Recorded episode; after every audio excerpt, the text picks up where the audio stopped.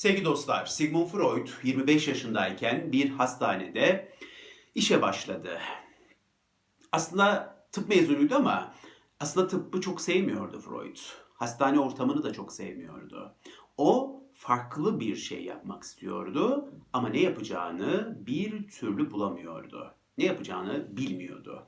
Ama onun bildiği bir şey vardı. Bildiği şey şuydu. Adını insanlık tarihine yazmak. Freud bunu çok istiyordu. İçinde böyle acayip bir arzu vardı, şehvet vardı. Şöhretli olmakla ilgili ve adını tarihe yazdırmakla ilgili.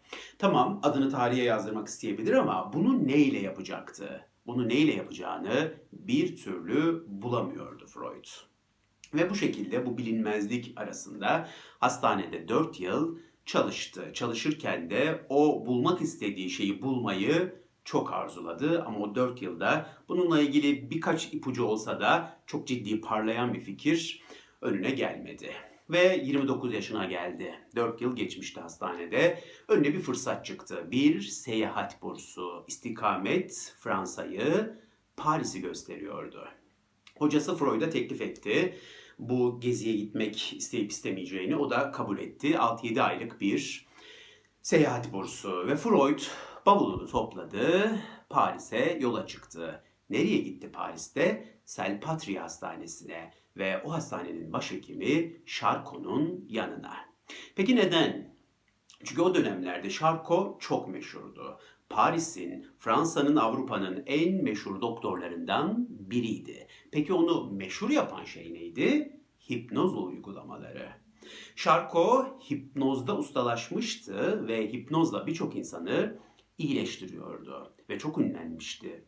Hatta bu hipnoz gösterilerini sahne şovuna çevirmiş Şarko. İnsanlar geliyorlar, hani böyle tiyatro salonları, sinema salonları var ya aynen öyle yerlere geliyorlar ve de sahnede Şarko'yu izliyorlar. Şarko çıkıyor, işte karşısında bir hasta var ve de hipnoz uygulamaları yapıyor. Onu hipnoza sokuyor, transa sokuyor. Atıyorum koluyla ilgisi ilgili ağrısı olan, kolunu kullanamadığını söyleyen birine kolunu kullanmasıyla ilgili telkinler veriyor. O kişi kolunu kullanmaya başlıyor falan. Tabi izleyenler de büyüleniyorlar. Etkileniyorlar ister istemez. Böyle baya baya seviliyormuş yani Şarko'nun hipnoz gösterileri. Bu arada bir virgül koyup şey söyleyeyim. Yazılı tarihte hipnozun kurucusu Franz Alton Mesmer diye geçer. Aslında hipnozun çok eski bir tarihi vardır yazılı olmayan dönemlerden gelen bir tarihi vardır.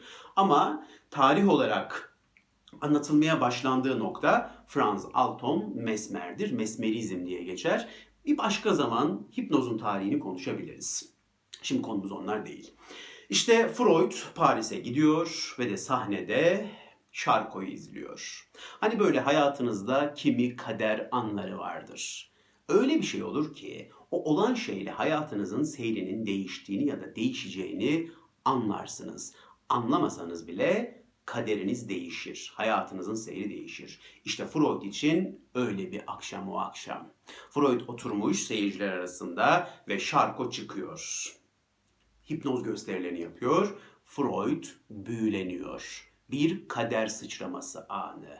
Dört yıldır çalıştığı hastanede bulamadığı şeyi Paris'te sahnede Charcot'un yaptığı gösteride buluyor, hipnozda buluyor. Hipnoz Freud'u çok etkiliyor.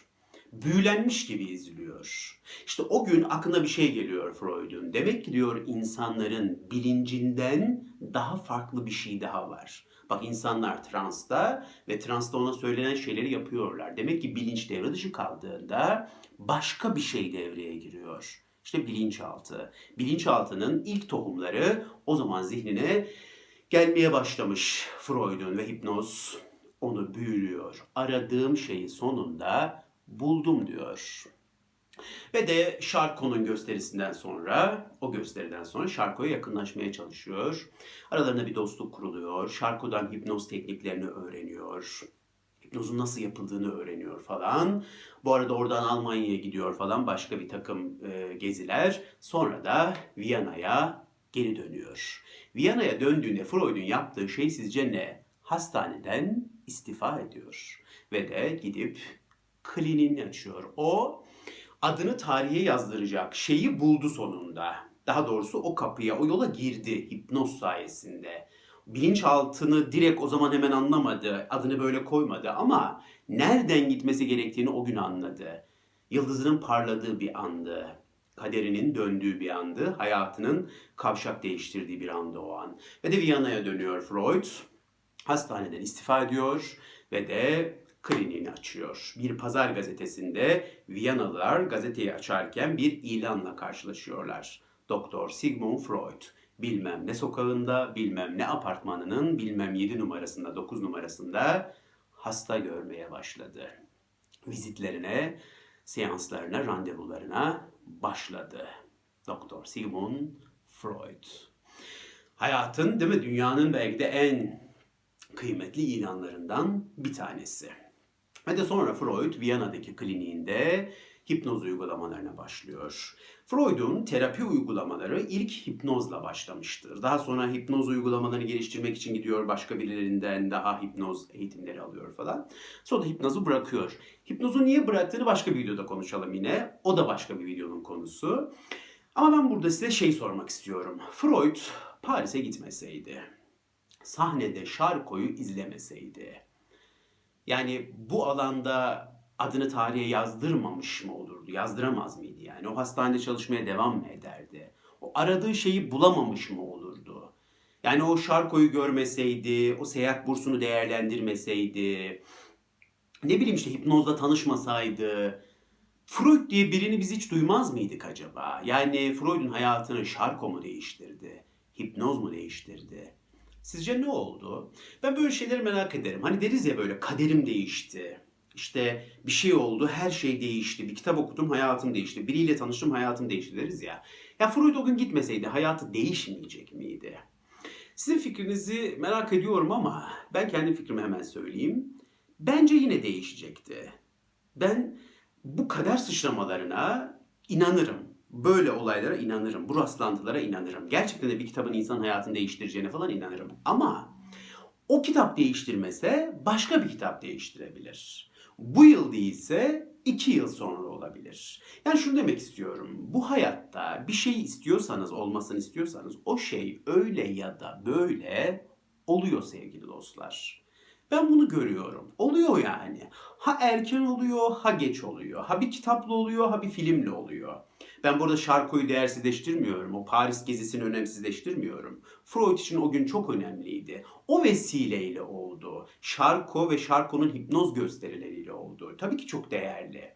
Ama o olmasaydı ben Freud'un yine bir yerlerden psikolojiyle, böyle bilinçaltıyla, psikanalizle tanışacağını düşünüyorum. Ha bir yıl geç mi olurdu, üç yıl geç mi olurdu onu bilemiyorum. Hayatın o matematiğini bilemem ben. Hayatın kendi içinde bilemediğim bir denklemi var. Ben onu bilemem. Ama öyle ya da böyle olurmuş gibi geliyor bana.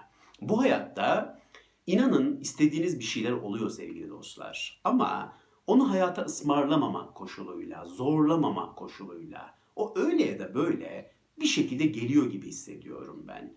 Freud o gün oraya gitmeseydi bence başka bir yerden yine buna benzer bir kader anı yaşayabilirdi. Jung da böyle bir kader anı yaşamış. O da tıbbı bitirdikten sonra ne yapacağını bilmiyor, hangi alanda uzmanlaşacağını bilmiyor. Bu arada bir sınava hazırlanıyor. Herhalde TUS gibi bir sınav mı vardı o zamanlar bilmiyorum. O sınava hazırlanırken bir psikiyatri kitabını eline alıyor.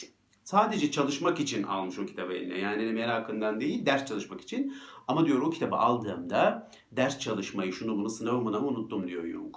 Psikiyatri öyle büyüledi ki beni. Ve ben o gün o kitabı kapattığımda psikiyatrist olacağımdan adım kadar emindim diyor. Hayatımı psikiyatriye adayacağımdan adım kadar emindim. O kitapta Jung'un hayatını değiştiriyor. O gün Jung hayatını neye adayacağını buluyor. Soru, Jung o gün o kitabı eline almasaydı yine psikiyatri alanında uzmanlaşmaz mıydı? Bence uzmanlaşırdı. Ama geç mi olurdu, erken mi olurdu bilemiyorum ama bir şekilde olurdu. Ben böyle inanıyorum. Hayatta bu buluşmalar öyle ya da böyle gerçekleşiyor sevgili dostlar. Siz ne kadar erken olsun diye zorlarsanız zorlayın. Siz ne kadar böyle çırpınırsanız çırpının. Bir şey olması gerektiği zamanda oluyor. Eşref saati diye bir şey var. Hani ben saati kuruyorum. İşte saat 3'te bu olsun. Ya olmuyor işte bazen saat 3'te o. Bazen 4'te oluyor, bazen 5'te oluyor. Bilemiyorsun onu. Onun bir eşref saati var yani. Jung o kitabı okuduğunda eşref saatindeydi. Freud o Şarko'yu izlediğinde eşref saatindeydi. Bir kader sıçraması oldu. Ama orada Freud gibi başka doktorlar da vardı belki. Jung gibi başka insanlar da o psikiyatri kitabını eline aldı. Peki başkalarında o kader dönüşümü, o kader sıçraması oldu mu? Belki olmadı. Freud için o gündü eşref saati. Jung için o kitabı eline aldığı gündü. Ama öyle ya da böyle oluyor. Eşref saati geldiğinde oluyor. Böyle bir hikaye benim de var. Freud'un Jung'un ardından kendimi anlatıyorum. Dikkatinizi çekerim. benim de böyle bir hikayem var. Şöyle, ben üniversiteyi bitirdiğimde mesleğimi yapmadım. 2-3 yıl çalışmadım yani. Ve ne yapacağımı da bilmiyorum. Aslında çok da bu mesleği yapmayla ilgili istek yoktu içimde. Ne yalan söyleyeyim. Başka zaman belki yine onunla uzun uzun konuşuruz. Bugün birçok konuyu başka videoya atıyor gibi oldum ama 2-3 yıl böyle oyalandım. Babamın işinde falan çalıştım. ıvır zıvır işleriyle uğraştım biraz. Sonra ne yapsam ne etsem derken yüksek lisans yapayım bari dedim. Hani yüksek lisans yaparken belki ne yapmak istediğime de karar veririm. Yüksek lisans yaparken tezimi yazacağım ve tez yazım aşamasında bir kütüphaneye gitmem gerekti. Hacettepe'nin kütüphanesine, Beytepe kampüsüne. O gün de benim mesela kader sıçraması yaşadığım günlerden biriydi. O gün benim için bence eşref saatiydi. Ne oldu derseniz şu oldu. Kütüphaneye gittim. Tezim için araştırma yapıyorum. Böyle kitaplara, tezlere falan bakıyorum. Bir tez gördüm. Nur Hoca diye biri. Soyadını hatırlamıyorum. Doktor Nur bir şeydi. Şimdi hatırlayamadım soyadını ama Nur Hanım. Nur Hanım'ın bir tezi. Tezin adın şöyle bir isim. Hemen adını söyleyeyim. Adını da hatırlıyorum bak. Hatırlamıyor muyum diye bir an düşündüm. Bir kelime var orada. Onu çok iyi hatırlıyorum da tezin tamamını hatırlayamayacağımı düşündüm bir an. Tezin tamamını da hatırlıyorum. Tezin adı şuydu. Üniversite öğrencilerinde yılmazlık düzeyi. Böyle bir tez. Yani üniversite öğrencileriyle ilgili araştırma yapılmış. Ne kadar hayat hani yılmazlıklarının seviyesi ölçülmüş. Ruhsal dayanıklıklarının şeyi ölçülmüş. Seviyesi. Böyle bir tez. Şimdi tezin adında bir kelime var. Yılmazlık. Oh my goodness. O kelime beni o kadar etkiledi ki. Tezi böyle elime aldım. Üniversite öğrencilerinde yılmazlık düzeyi. Yılmazlık? Yılmazlık nedir? Nedir yılmazlık? Aslında yılmazlığın ne olduğunu biliyorum. Yılmazlık tahmin ediyorum yani hani güçlülük, dayanıklılık böyle bir şey ama Allah Allah dedim ya psikoloji falan yılmazlık bu konularla ilgileniyor muydu?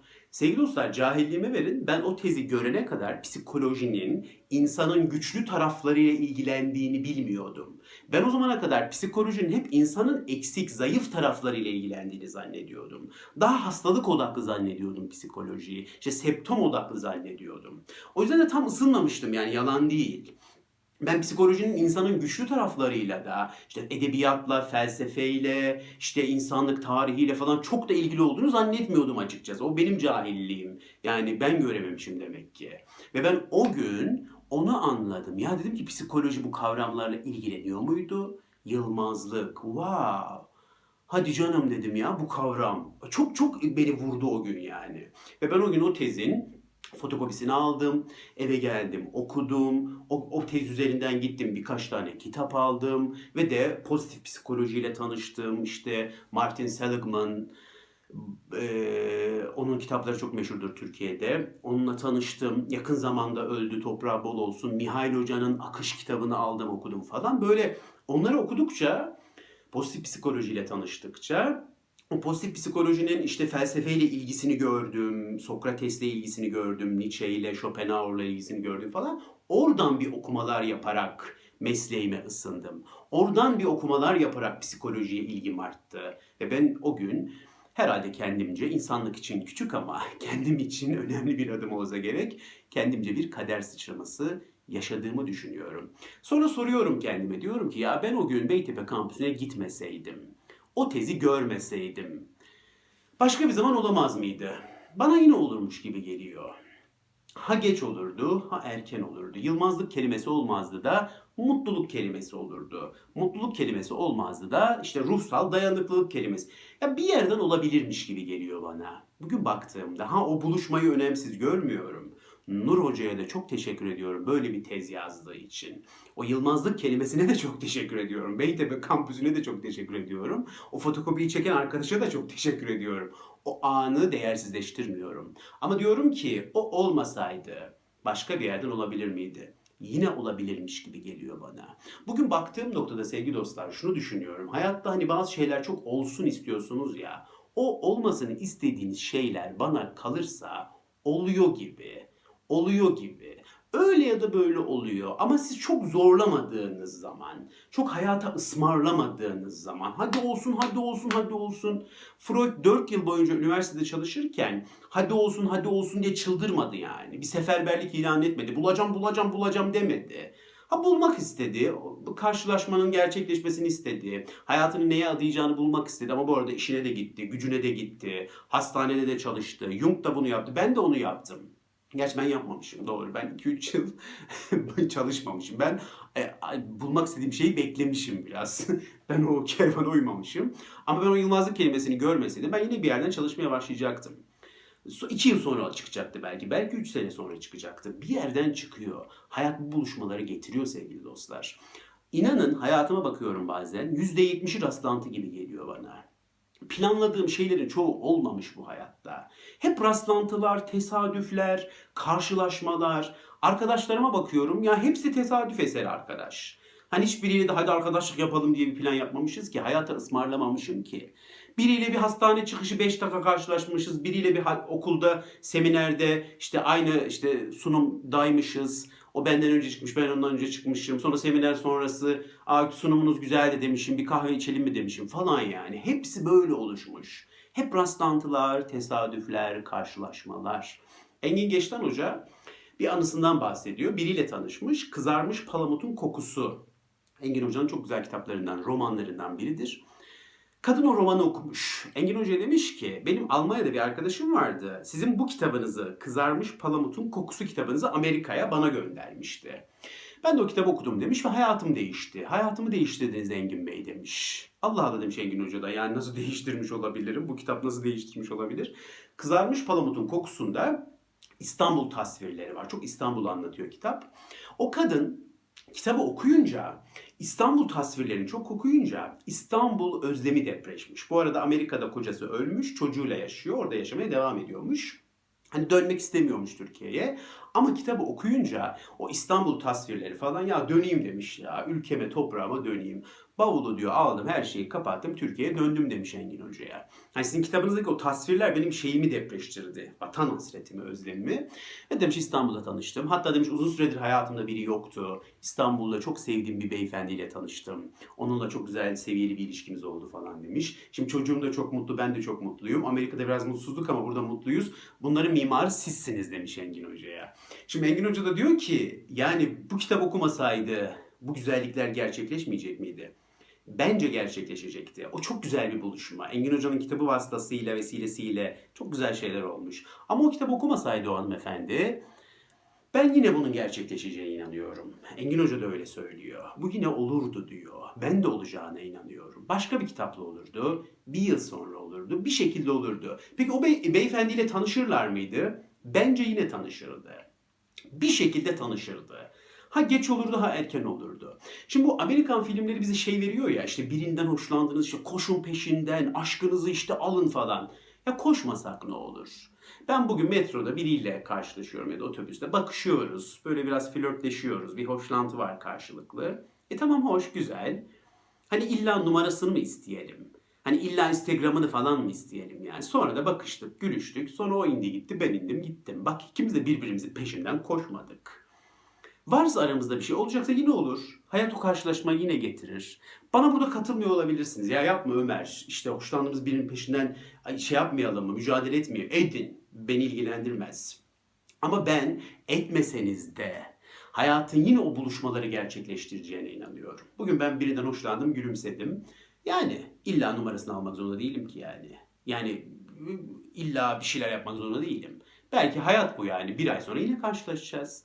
3 yıl sonra yine karşılaşacağız. Hani bize bu Amerikan filmleri veriyor ya işte peşinden koş, otobüsü durdur, evinin önüne git, yağmurun altında işte seni seviyor.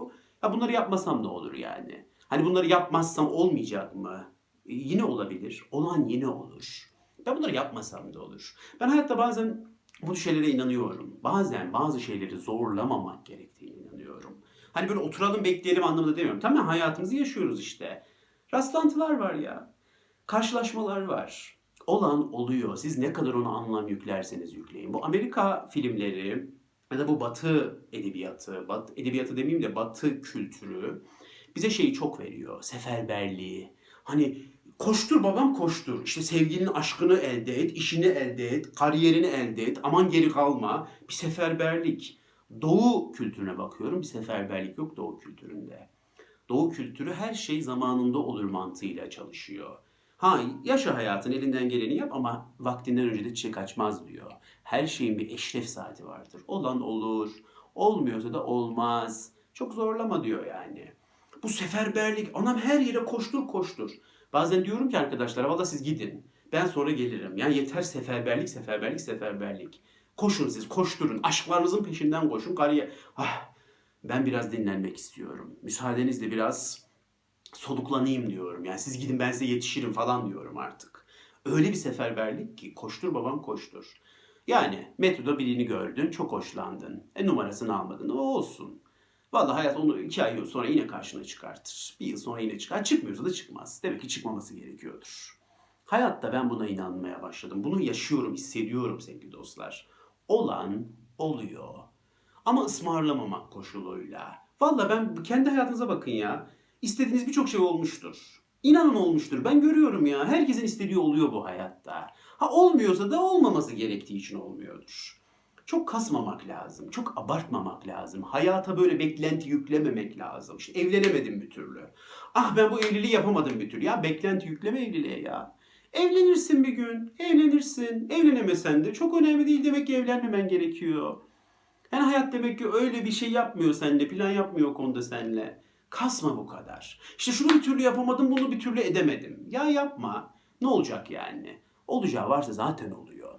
Ben bunlarla şunu kastetmiyorum. Bakın o uyarımı da yapayım. Hani oturun, hiçbir şey yapmayın anlamda demiyorum. Tabii ki hayatınızı yaşayın. Mücadelelerinizi verin, işinize, gücünüze bakın. Hani yaşayın hayatınızı.